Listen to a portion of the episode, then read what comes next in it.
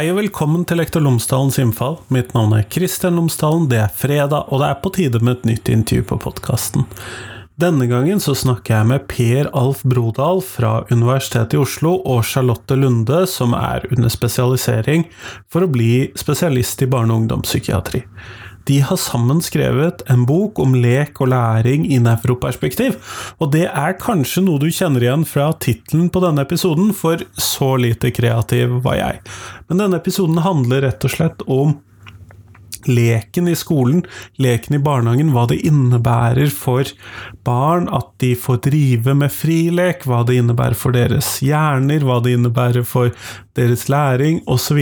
Hva betyr det at leken forsvant ut av den nye førsteklassen i forbindelse med LK06 i 2006? Hva betyr det? Hva innebærer dette for elevene? Det er det som denne episoden handler om. Jeg glemte å si hva Per Alf eh, Brodal drev med. Han er professor emeritus i eh, nevrobiologi ved Universitetet i Oslo, så da vet du det også. Men ellers, podkasten er som vanlig sponset av Fagbokforlaget, og Fagbokforlaget utgir bøker og digitale læremidler for hele utdanningsløpet, fra barnehage til høyere utdanning og profesjonsstudier. Og det siste året så har det kommet en rekke spennende titler til lærerutdanningen, og kanskje ekstra relevant relevant for denne episoden, så er boken 'Lekende læring og lærende lek i begynneropplæringen'. Og i denne boken så tar de for seg eh, ulike tilnærminger til lekbasert undervisning. Innenfor fag, på tvers av fag, i løpet av skoledagen, for skolemiljøet osv. Fagbokflagget kommer stadig ut med nye læremidler, så følg med på fagbokflagget.no. Men nå, nå skal du få høre Brodal og Lunde snakke om lek og læring i et nevroperspektiv. Vær så god.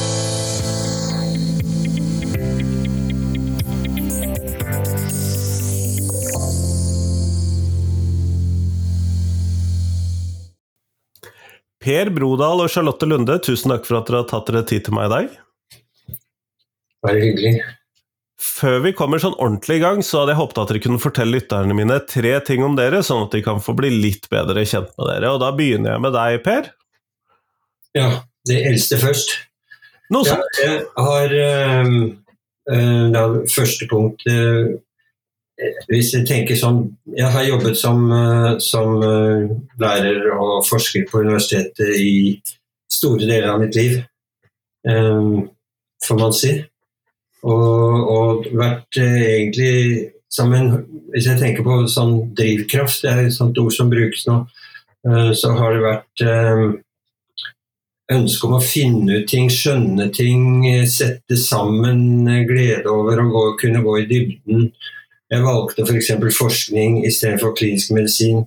Ikke fordi at jeg ikke syntes det var veldig spennende, men fordi at jeg ja, Det høres kanskje rart ut, men jeg, jeg var, det jeg opplevde da jeg var i turnus, var at det, ting gikk fort. Og du må, fikk ikke anledning til å gå i dybden på den måten som jeg ønsket, så, og som har kunnet gjøre med forskning. Og ellers eh, å drive med undervisning i alle disse årene har vært eh, kjempeviktig prøve å forstå læring på mange nivåer. Og så Ja. Nei, jeg avbrøt deg, Per. Nei da, nei, men det er, jeg skal ikke snakke så veldig mye mer om det. Ellers så, Av mine personer ellers og i ungdommen så var det roing som var hele livet en periode. Og ellers så er jeg glad i å leve, veldig glad i å lese. Har spilt piano en del år. Uh, glad i å tegne å lage ting. Og anatomi er jo et fag hvor du kan bruke hendene og få sammenheng, form og funksjon er veldig interessant. Det har vært en glede. Kjempeflott. Tusen takk, Charlotte. Ja, øh, jeg øh, er jo da Det var fine ting eh, Per sa om seg. Jeg er jo mer kliniker, eh, egentlig. Jeg tenker at jeg har jo valgt den kliniske veien og føler at det å være, møte mennesker som, eh, som lege da, i, det, i, barnepsykiatrien og i voksenpsykiatrien, som jeg også har jobbet, er, eh, er så rikt. Jeg føler meg så utrolig heldig. Uh, så, så, jeg føler at det å være kliniker, det å møte mennesker og det å formidle, som jeg også er da veldig glad i, og som vi på en måte gjør da med denne boken, det er også en viktig del av meg. Uh, vi skulle liksom fortelle tre ting om oss selv, uh, spurte du, så da tenkte jeg også at du måtte fortelle noe som uh, handler litt om mine egenskaper. da, jeg, da jeg ble spurt om å spille engel i juleevangeliet i første klasse, så nektet jeg det. Jeg ville spille eselet fordi jeg var så glad i hester. så jeg er litt sta. Det er jeg nok.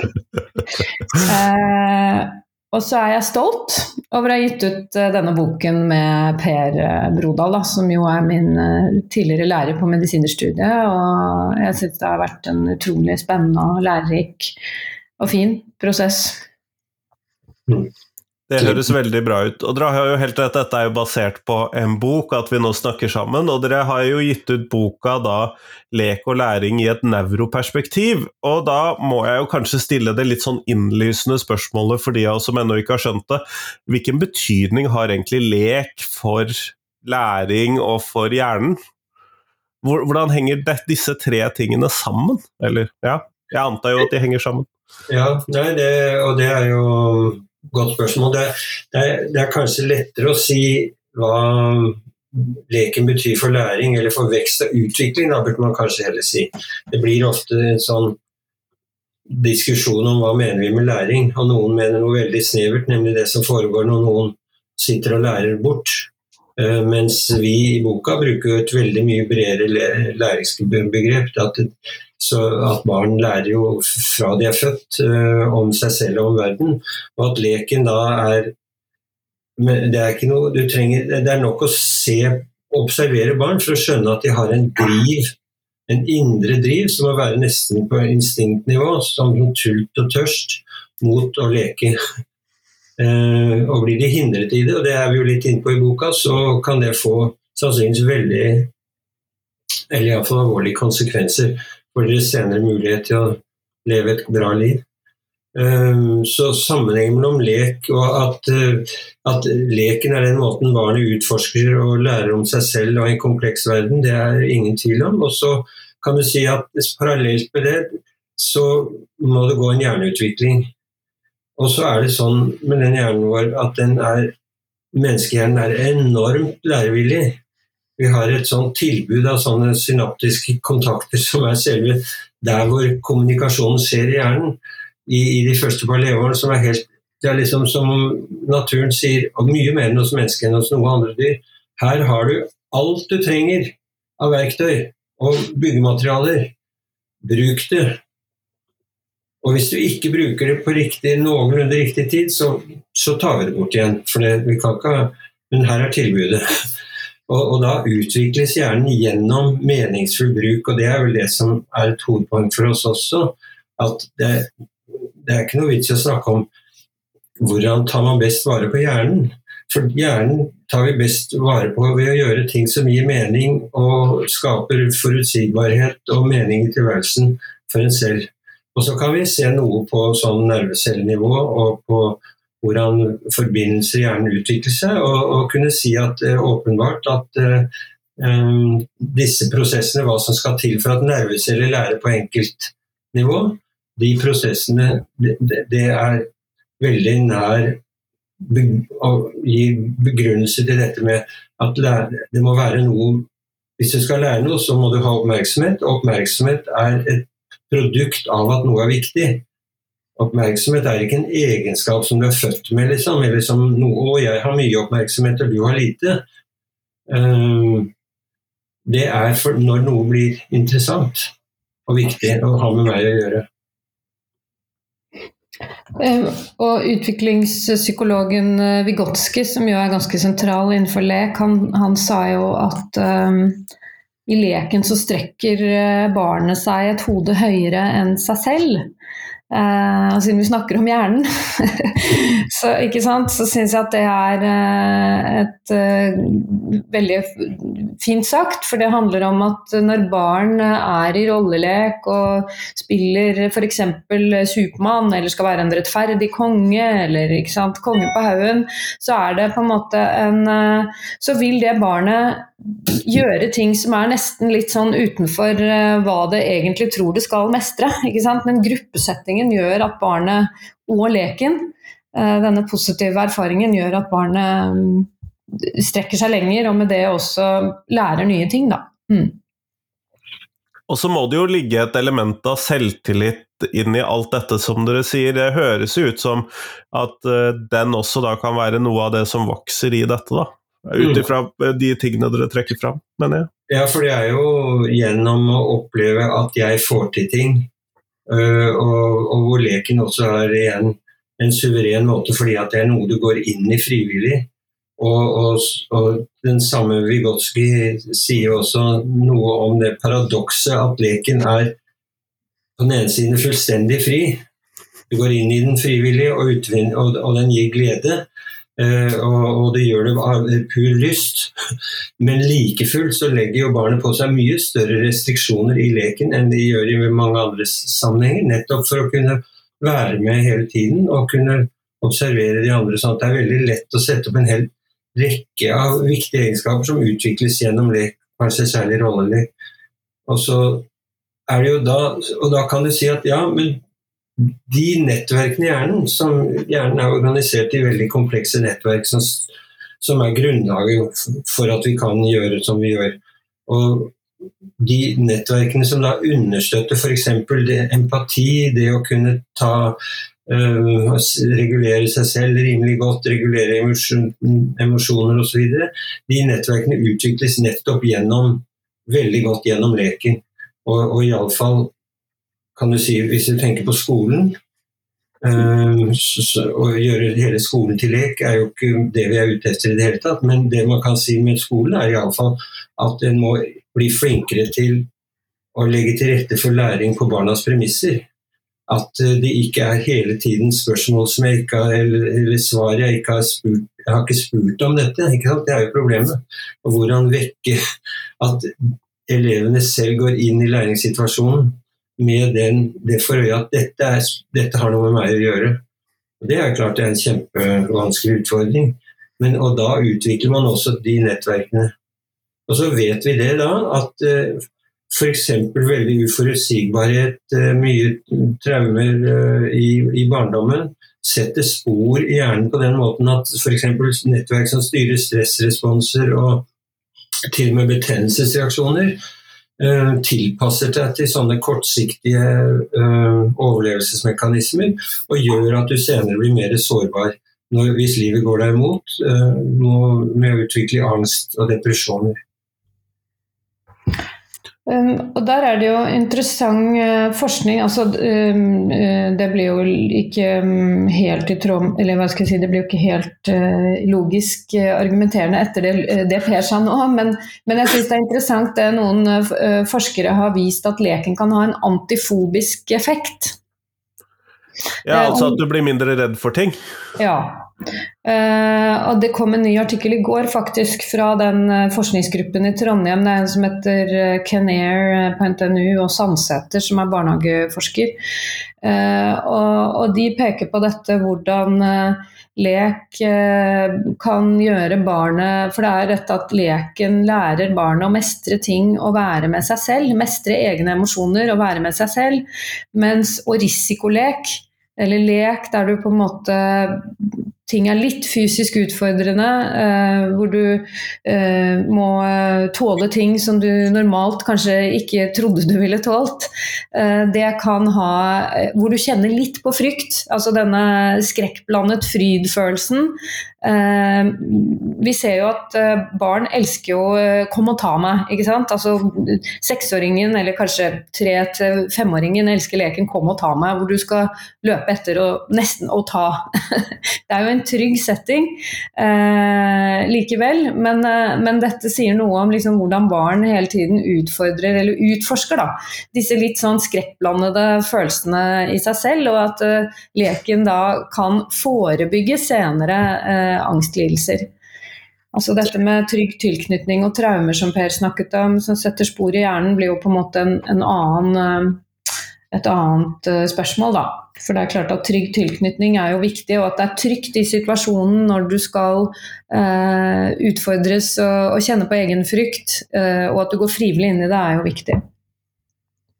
Har du mange dårlige erfaringer med deg, så kan jo det være skumlere. Ja, det vil jeg tro, men vil det ikke være en fare for at hvis man tar leken for mye i skolen, at den blir prestasjonsorientert, eller ja. Men jeg tror altså jeg, jeg, jeg, er ikke sikker på om man skal tenke så mye lek inn i skolen, egentlig. Altså det, jeg mener jo at man skal sette barna tilbake i barnehagen og kutte ut hele det der første skoleåret. Det er sannsynligvis urealistisk, men jeg tror det er viktig at noen sier det stadig, for det er faktisk den beste løsningen. At de får, barna får et år til i barnehagen. Men i skolen så tror jeg man skal Altså, lærere er ikke utdannet for å være lekeledere. Det er et eget fag. Og, og det må man respektere. og Det blir meningsløst å pålegge lærere å skulle være men det, det, lærere skal være, er jo nettopp å legge til rette for at ba, igjen læringen blir på barnas premisser. At man tar utgangspunkt i dem, og at det blir mest mulig mest mulig egenaktivitet og minst mulig av bare passiv å sitte og høre på at uh, noen snakker og forteller. Og det er klart, uh, det er, mange lærere er kjempegode til det, og mange er sikkert veldig frustrert fordi at de vet akkurat hva de vil, men de har ikke arbeidsforhold til det, sånn som det er nå med så mange i klassen, og kanskje så mye uro og, og mange sånne ting som gjør gjør at eh, jeg ville tro at veldig mange lærere opplever at de må jobbe mye dårligere enn det de egentlig har i seg og ønsker å gjøre. Det er jo en interessant skoleforsker som heter Harriet Bjerrum Nilsen, som har sittet i norske nei, skoleklasser i, i, nesten 30 år og sett utviklingen på liksom, førsteklassingene på 70-tallet frem til eh, nesten opp til i dag. Og hun sier jo det at eh, og på denne tiden er det jo skjedd masse. De er jo blitt yngre og de er jo blitt mer og mer umodne. Så hun sier det at lærerne veldig mye oftere må hjelpe barna med helt uh, basale ting som å kle på seg og, og knytte lister. Og, og, det å da ha forventninger om at barn skal uh, lese og regne matematikk før de knapt uh, kan ta på seg egne klær, det er, det er på en måte det er, det er helt åpenbart at veldig mange blir forstrukket. Eh, dere har jo til og med et helt kapittel i boken som nettopp handler om som er, Dere har kalt det en bekymringsmelding. Og det er vel kanskje noen av disse elementene som da er med i denne bekymringsmeldingen. Det Er noen andre perspektiver som uh, bekymrer dere i dette? Andre perspektiver? Det er i hovedsak dette som er uh, hovedproblemstillingene, slik dere ser det. Altså, At barna er umodne? Ja. Altså, vår, vår, eh, vår overordnede bekymring handler jo om at, uh, at barndommen er blitt vesentlig endret, og at, uh, at uh, muligheten for en god vekst og utvikling gjennom barne- og ungdomstid er svekket til tross for all vår velstand og, og hva skolen setter inn av ressurser og alt det, det er jo på en måte et paradoks, men, men det, er jo, det, er jo, det som er bekymringen vår. Og, og blant annet da at uh, En av de tingene er jo at uh, et år er tatt bort av barndommen på en måte ved den seksårsreformen. Uh, mm. Og at, at, skolen er blitt så teoritung, sånn at det er så mange som ikke passer inn, rett og slett. Det er ikke så mange teoretiske hoder i Norge at det passer til så mange års uh, teoretisk skolegang. Jeg tror det er en av grunnene til uh, frafallet. altså. Man, man, det gjør det så veldig mystisk etter frafallet, men hvis du kommer altså, Går du med sko som ikke passer, da blir det vondt. Og, og, og det er jo ikke og Nå gjør vi det veldig mye til at det er barna som må formes, ikke sant? Det, det, blir som å si det at når skoene er for små, så gjelder det å forme foten på kinesisk vis, holdt jeg på å si. Snøre inn. Og ikke forandre på skoen. Og, og, og, det er vel også en av de bekymringene vi, er, vi har da i mm. Vi, vi snakket også om dette med, Fra mitt ståsted da, i barne- og ungdomspsykiatrien så snakket vi også om dette med at barn, veldig mange barn rett og slett er umodne, så umodne når de begynner på skolen at, eh, at de forventningene skolen legger på dem eh, rett og slett ikke er realistiske at de skal klare å innfri. Eh, og dette har vi jo sett i studier på, på gutter eh, eller barn som er født sent på året.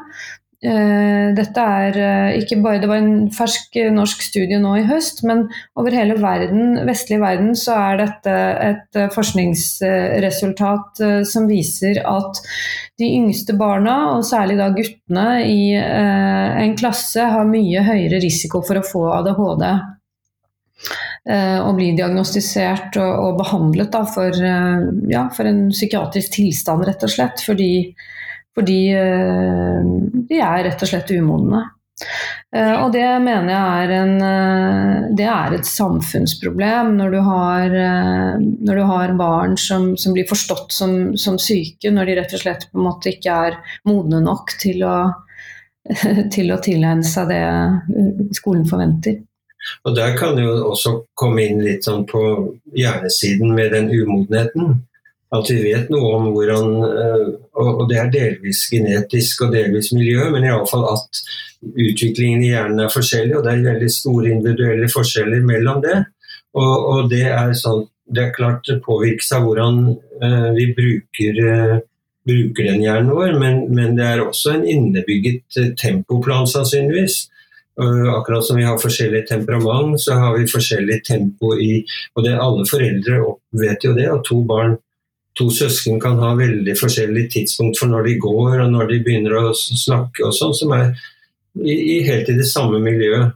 Og, og, Derfor så blir det det blir jo nærmest som et overgrep å skulle handle ut fra en teori om at alle barn er like, og at her kan vi bruke én type program på alle sammen. Og, at, og da blir den der tidlige skolestarten at du får La oss si at med syv år så får du f.eks. 10% som egentlig er for umodne, bare tenke på et tall. Men med skolestart eh, seks år så får du kanskje 30-40% som er for umodne, for å ta veldig hardt i. Da. Og, det er klart for, for, lærerne i klasserommet, da, sånn som Harriet Bjerrum Nilsen har observert, så blir det jo en umulig oppgave å skulle være lærere og skulle lære dem og, og, få dem til å, spørre og utvikle seg, samtidig som skal passe på hvor lua er og matpakken og gå på do og, og faller av pull. Altså, mange av disse guttene ramler ned av stolen, rett og slett. Eh, men hvilke langtidskonsekvenser kan denne eh, tidlige skolegangen, disse, denne manglende leken osv., hvilke langtidskonsekvenser kan det få? Det er jo noen forskere som har sett på det allerede, og eh, ment altså fra Institutt for samfunnsforskning, Simen Markussen og Knut Rød så på dette i 2018. Og de så at eh, mellom eh, altså norske barn og unge mellom 11 og 18 år, en tredjedel hadde fått en psykiatrisk diagnose. Eh, dette var også i allmenn eh, altså i, eh, hos fastle, på fastlegekontoret i primærhelsetjenesten. Men det de mente, eller det de på en måte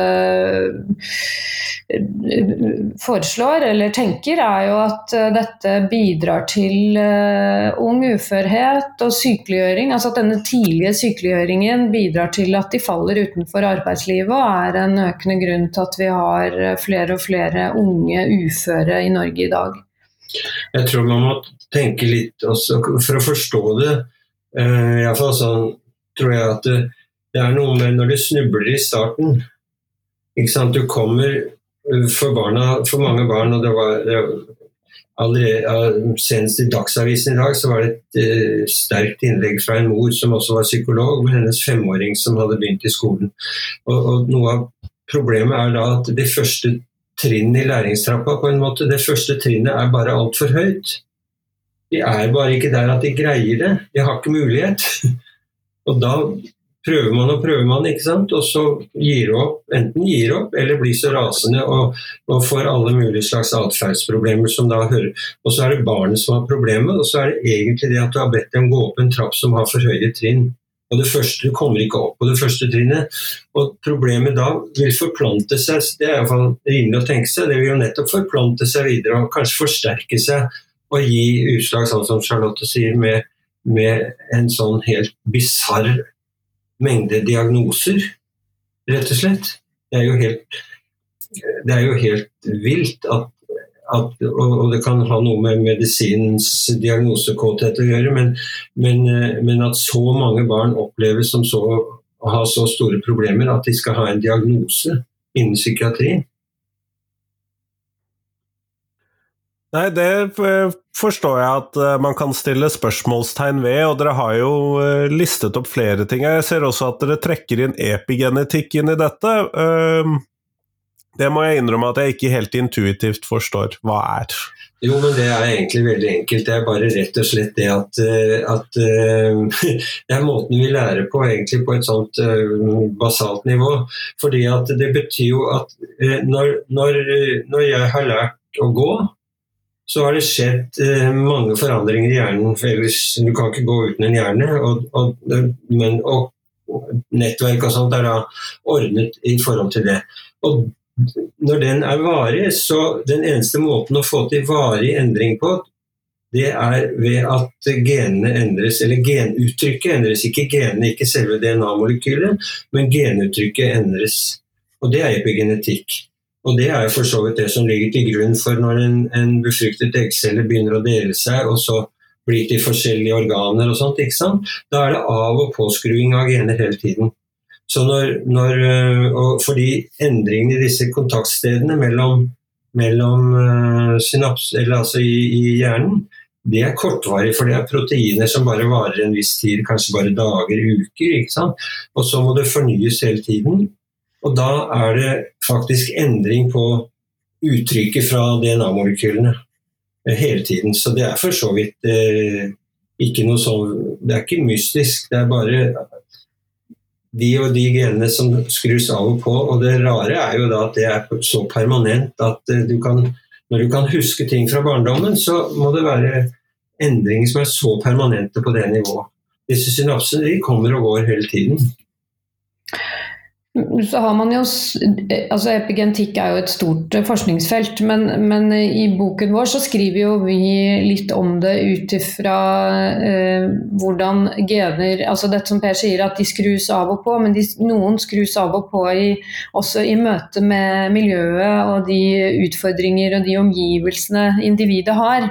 Sånn at eh, hvis man har på en måte dette har vel man sett på på sånne kandidatgener rundt eh, transmittorsubstanser og sånt. At noen eh, er spesielt sårbare for stresspåvirkning f.eks. og kan gi eh, veldig negativt eh, outcome under de gitte stressende miljøbetingelsene. Da. Man, mens i et, eh, i en, under miljøbetingelser der miljøet er trygt og, og, og individet blir på en måte dyrket og, og båret frem, så vil, eh, så vil dette, den samme gendisposisjonen gi et veldig, veldig positivt eh, outcome, på en måte. Tusen takk for den det, det, gjorde det litt klarere for meg, i hvert fall. Uh, men jeg har lyst til å ta oss tilbake til leken, fordi at dere har jo fokusert veldig på at leken er egenmotivert, og at det er noe man har lyst til å drive med, og noe som vi som barn naturlig driver med. Uh, hvorfor er det særlig viktig når det kommer til læringen, uh, og det å skulle lære i lek? Ja, da, da, kan vi gå for så vidt inn i bruker hjerneforklaring igjen. For der, der, er det en av de tingene som understøtter det, nemlig det vi var litt inne på at nerveceller for å skulle huske en eller annen påvirkning, eh, så kommer det en spesifikk informasjon inn gjennom syn, hørsel, eh, hva det måtte være. ikke sant?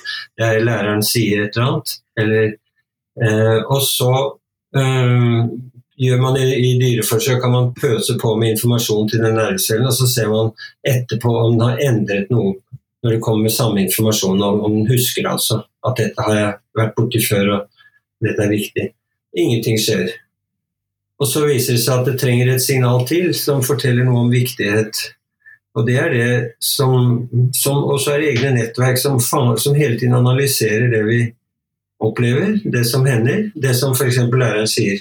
Så det har et slags filter. Har dette noe med meg å gjøre? Og hvis det har det, så kommer det et signal samtidig med det som ble sagt om byer i Belgia, eller hva det måtte være, om at dette er viktig, dette har noe med å gjøre, og da husker nervecellen. Da endrer det seg. Og, det, og, da er det epigenetikk igjen, ikke sant? det blir endring også på gennivå. Uh, hvis det skal være en varig endring. Men det er bare mekanismene bak det. Men, uh, men det, det, det, er en sånn ja, mekanistisk forklaring igjen på hvorfor faktisk det er så viktig at dette har noe med meg å gjøre. Så, så, og da kan du drive og undersøke eksekutivfunksjoner hos barn med, med selvkontroll og regulering og arbeidshukommelse og allting. Og, og, det gjøres ofte i en setting hvor du ikke er sikker på at barnet faktisk skjønner hva som foregår, eller er interessert. ikke sant? En femåring det er ikke så lett i en, en fremmed situasjon med, med, mennesker som kommer utenfra. Uh, og, hva tenker det lille hodet på da? Kanskje noe helt annet enn at denne oppgaven skal jeg prøve å løse. Så det er det med å, å leke Med leken så vet du det. For de går inn i det helt frivillig, og de går inn i det, og de opplever glede gjennom det. Um, og det slutter akkurat når det passer dem. Det er jo det at den er så egenmotivert. ikke sant? Er jo, den er jo så viktig fordi at den handler om at med leken eh, får barnet brukt sin egen nysgjerrighet på egne premisser. Og nysgjerrighet og utforskertrang er jo helt sentralt for å lære. Så hvis man begynner å, å hva skal jeg si, stille for høye krav i forhold til hva barnet mestrer, og i tillegg også teste i etterkant hva barnet kan og ikke kan, så, så, kjenner vi jo alle på oss selv hvor lite motiverende det er. Og når barn ikke får liksom utviklet ferdig eller får nok tid da, til, å, til, å, dyrke frem sin egen utforskertrang og nysgjerrighet og lyst til å lære om verden, så, så lukker det seg. ikke sant? Det, det, det, blir dårlige læringsstrategier av det. Vi snakker også om læringsdøra som er åpen eller lukket. Og det er vel sånn som uh, lærere vil oppleve ganske mye. Vil kunne si at nå er læringsdøra lukket her, hva gjør vi nå? Uh, og så kan du greie å så, så, det er noe med Og, og da kan du på hjernenivå så handler det om uh, at de, de, mekanismene vi har i form av sånne viktige nettverk som hele tiden analyserer For det er ikke noe vits i å bruke krefter på ting som du ikke tror Enten at du får til, eller at på en eller annen måte har noe betydning for meg. Dette er noe som er viktig for meg. Hvorfor lærer barn, hvorfor lærer barn seg å snakke? Det er jo ikke fordi at jeg har noen intellektuell forståelse av det, men det er en indre driv fordi det handler om å kunne påvirke andre og forstå hva som foregår. Forstå verden og kunne påvirke verden. Og Hvis ikke du har uh, talespråk, ja, så utvikler forhåpentligvis tegnspråk som kan være like rikt og like viktig for å uttrykke dine tanker. Eh, og det er jo hele tiden en sånn hensikt som, ikke, som ligger på et evolusjonsnivå, men ikke selvfølgelig bevisst. Heldigvis treng, barn trenger ikke å skjønne hvorfor de skal lære seg språk. Nei, det ville jo kanskje gjort det litt vanskeligere ja, å faktisk gjennomføre det moderne skolevesenet i det hele tatt, eller samfunnet. Ja. Uh, og det kan man jo diskutere negativiteten av, kanskje noen ganger. Andre ganger så er jeg veldig oppløftet av vår evne til det. Men dere skriver jo også noe med at man har rett til dette her med også lek og være til stede i lek. Uh, hva er det begrunnet i? Og, og, og um, fritid. Ikke sant? Altså, i, etter den industrielle revolusjonen så ble jo barn satt til barnearbeid, og, og, tiden deres ble okkupert på den måten. Men, men i vår tid så bli, har jo barn også faktisk veldig ofte lite fritid, fordi at det er veldig mye voksenstyrt og eh, skolestyrt uh, aktivitet. Eh, så denne fritiden er jo den som barn eh, bruker til lek, da, som gjør det så viktig. Og i 20, 2013 så ble da barne, altså barnas egen menneskerettighetsplakat eh, revidert, nettopp i, når det gjaldt det med lek, da, for å understreke hvor viktig dette er for, for barnas utvikling. En, en, av de bekymringene vi har, er jo at barn blir, eller ungdom, at de er så lite De blir så ytrestyrt. Og, og så lite drevet og så lite stole på egen, egen motivasjon, egen vilje, egne beslutninger. Uh, og der, der, er det jo mange ting som kommer inn, men tap av lek i både reduksjon i barnehage pga. Eh, voksenstyrprogrammer, og ikke minst skolens økende timetall med teoretisk innhold, eh, er jo med på å gjøre det. Og, og samtidig, eh, ved tap av indre styringsevne på en måte, så, så får vi også sannsynlig Det henger jo nøye sammen med at, disse, at de ungdommene blir så sårbare og så påvirkelige. og så Det blir litt som løv i vinden. Altså, de, indre, de, får i for liten grad en egen indre stemme som kan fortelle dette er viktig for meg. Og det har vært noen ganske gode innlegg i, i Sidi i Aftenposten de siste dagene fra ungdom om akkurat de tingene der hvor de uttrykker det veldig godt. Det var en jente som skrev om, eh, om, hvorfor hun eh, var så kjempeglad for at hun hadde fått et sjette år i barnehagen. da Hun begynte i Steinerskolen. Hun var 17 år nå da, og, og, veldig reflektert rundt hvor viktig hun så på den, det ene året. En annen ting som kommer på toppen av dette, er jo selvfølgelig teknologien og de, de, de digitale plattformene, som, som, jo er eh, et dilemma på mange måter. Eh, fordi det er, mye, det er, jo mye, interessant innhold, og det er jo en, en, teknologi vi ikke kan la være å forholde oss til. Men, men, sosiale medier er jo blitt et sånt sted der ungdom også får veldig mye ytre bekreftelse, og hvor ytre bekreftelse er det som på en måte styrer eh, styrer mye, da. Så, så, og, og der, der, hvor jeg jobber i barne- og ungdomspsykiatrien, så, så, brukes det også ganske destruktivt til tider. Og NRK hadde jo en interessant sak i forrige uke hvor de så på hvordan algoritmene til unge gutter som gjerne ville trene, ga dem ganske så eh, drøyt innhold på kjøp av eh, alt fra steroider til proteinpulver, og hvordan man kunne bygge muskler når du var liksom bare en elleve år gammel gutt som eh, var liksom interessert i å, å trene litt. Så her er det mange ting å rydde opp i, og det syns jeg var litt interessant. At uh, Trøttebergstuen, uh, altså ministeren, var ute og inviterte til møter med TikTok for å se på hvordan man kan uh, legge opp innholdet på en måte som ikke påvirker så negativt. Da. Så En ting er innholdet, men en annen ting er også tiden eh, barn og unge bruker. og Der er det jo også studier som peker på at antall, antall, timer brukt på sosiale medier kan være korrelert med, med depresjon og, og ja, psykiske helseplager. Da. Dette er jo egentlig også veldig interessant, fordi at eh, man snakker jo om at uh, all denne bruken av sosiale medier er en utfordring for oppmerksomheten. Og oppmerksomhet kan man jo kanskje regne som en av de viktige egenskapene i et uh, kunnskapssamfunn, og så kan vi jo diskutere hvor godt begrepet kunnskapssamfunn er osv. Men uh, på hvilken måte kan leken være en viktig bidragsyter i å bygge opp evnen til oppmerksomhet. Det, det, ble jeg da påminnet som en mulig interessant spørsmål i dette. Jo, fordi at uh, i leken så har de oppmerksomheten om det. Og, så lenge de syns det er interessant, da, og så lenge de har glede av det, da vil oppmerksomheten være der. Uh, og det samme vil de jo se ting som ikke nødvendigvis er lek, men det, ting som virkelig interesserer det barnet. Enten det er fotball eller musikk eller hva det måtte være. Det kan jo være så forskjellig. Og, og, så, så, igjen så vil jeg si det at le, altså oppmerksomhet er ikke en egenskap, det er noe, et produkt av at noe er viktig. For ellers så, så plasserer man folk ikke sant? Du har så lite oppmerksomhet, så derfor så har du ADHD. Men når det barnet finner noe som virkelig opptar det, så er oppmerksomheten kanskje veldig, veldig god.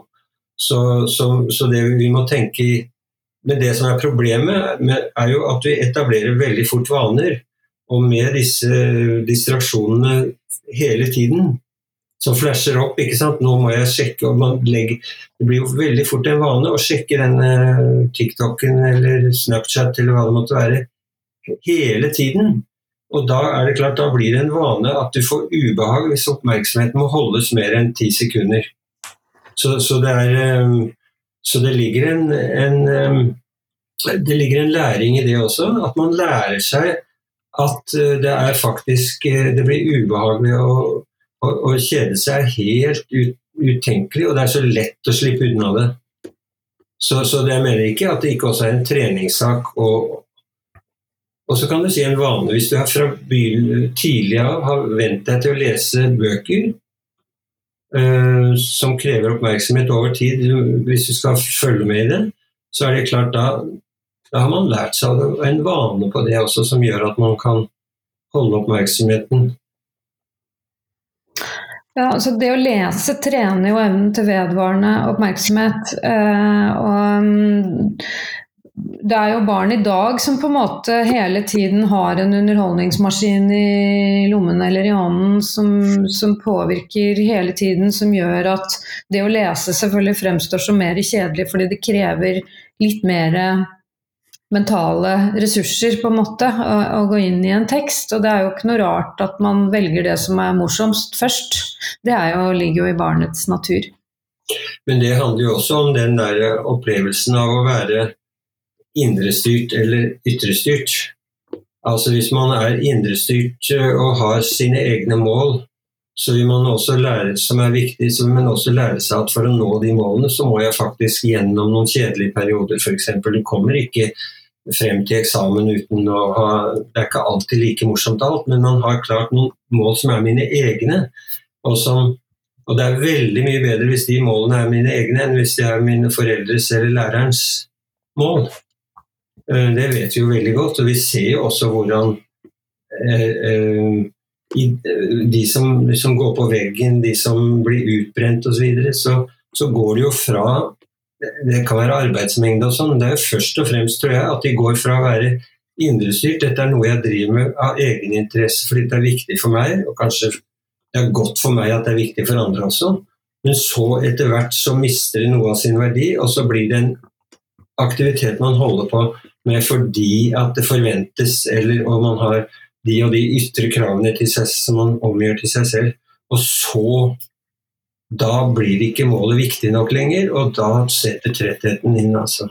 Og Det er en sånn biologisk evolusjonsmekanisme, tror jeg, som skal verge oss mot å bruke krefter på ting som ikke er meningsfylt. Kjempeflott. Vi går mot slutten av dette podkastintervjuet, og da skal jeg stille dere det spørsmålet som jeg stiller alle jeg intervjuer. Og hva er de tre viktigste tingene skolen kan lære elevene? Jeg starter, start med deg da, Per. Igjen. Skal jeg begynne igjen? ja, altså Det der er jo et kjempespørsmål, men, men eh, jeg tror det overordnede er at vi må, vi, må, vi må, tenke på at dette handler om barn og unges vekst og utvikling. Og For å få til det, så er det klart at du må ha kunnskaper. Det er bare meningsløst å tro at man utvikler ting uten kunnskaper. Men det som blir viktig, er å legge til rette for en læring som gjør at dette blir dette blir mitt.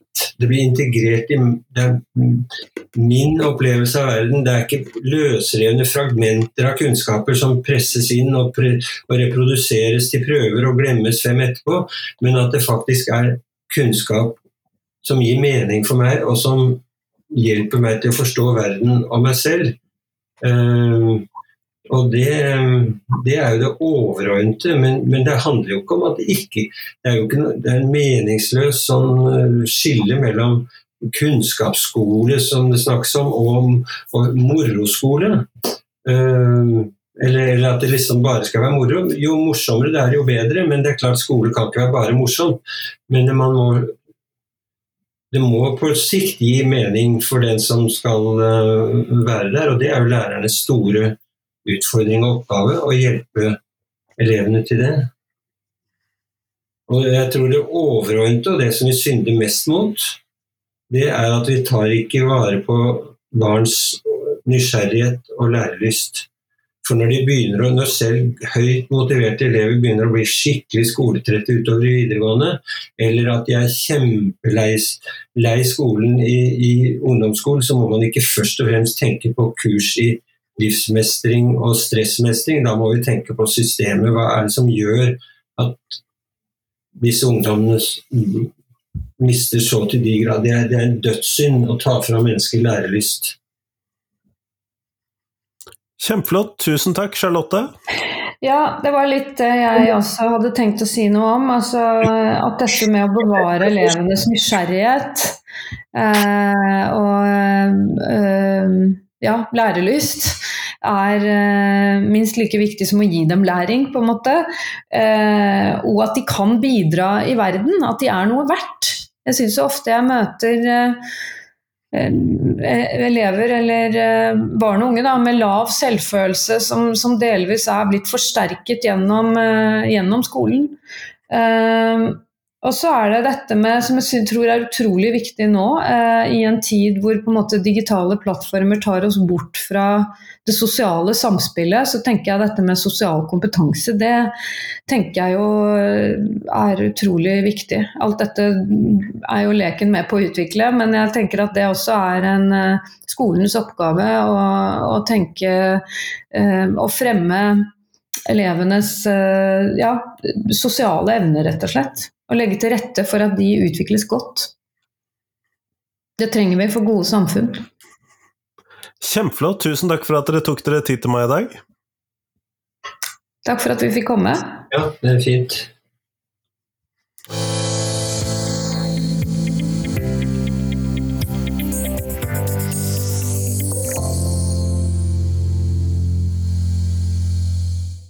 Tusen takk til Per, tusen takk til Charlotte, og tusen takk til deg som hørte på.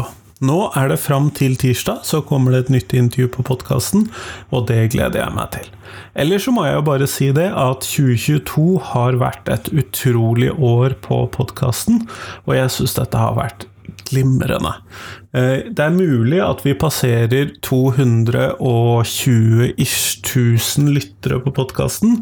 Muligens dette året, altså. Eh, og det syns jeg er utrolig gøy. Det gir meg en boost. Eller så vil jeg også si det at eh, fra og med 2023, når vi begynner på'n igjen, så kommer jeg til å gå tilbake til at fredagsepisoden er en reprisepisode. Jeg har tatt unna litt ekstra, noen ekstra episoder som jeg har tenkt at har trengt å komme på litt ekstra hurtig. De har fått være fredagsepisoder nå, men eh, det tar jo en del ekstra tid, sånn at eh, nå skal vi tilbake til repriseepisoder for eh, fredagsepisodene. Så håper jeg at du da vil finne noen av disse gamle episodene som du ikke har hørt før, eh, nyttige og verdt å høre på. Jeg prøver jo å plukke ut gullepisoder som er mindre preget av at det er f.eks. gått fire år, da, som det nå har gått siden de episodene som nå er i reprise. Sånn at eh, det skal ikke være de som handler om lokalvalget i 2019. Det var vel kanskje ikke et lokalvalg. Jo, det var et lokalvalg. 2019 var et lokalvalg. Sånn at vi satser på at jeg skal ha noe mer tidløst enn det. Så det håper jeg at du setter pris på. Den første episoden blir i hvert fall en reprise fra Kristoffer Kjeldsom Vogts episode om frafall og gutta i skolen osv. Så, videre. så det håper jeg at du vil sette pris på. Men send meg gjerne tips, det trenger jeg også i det nye året. Jeg blir i hvert fall utrolig glad for det, fordi at eh, vel, podkasten lager ikke seg selv. Den krever ideer. Men nå, nå får du ha en god dag videre. Hei, hei.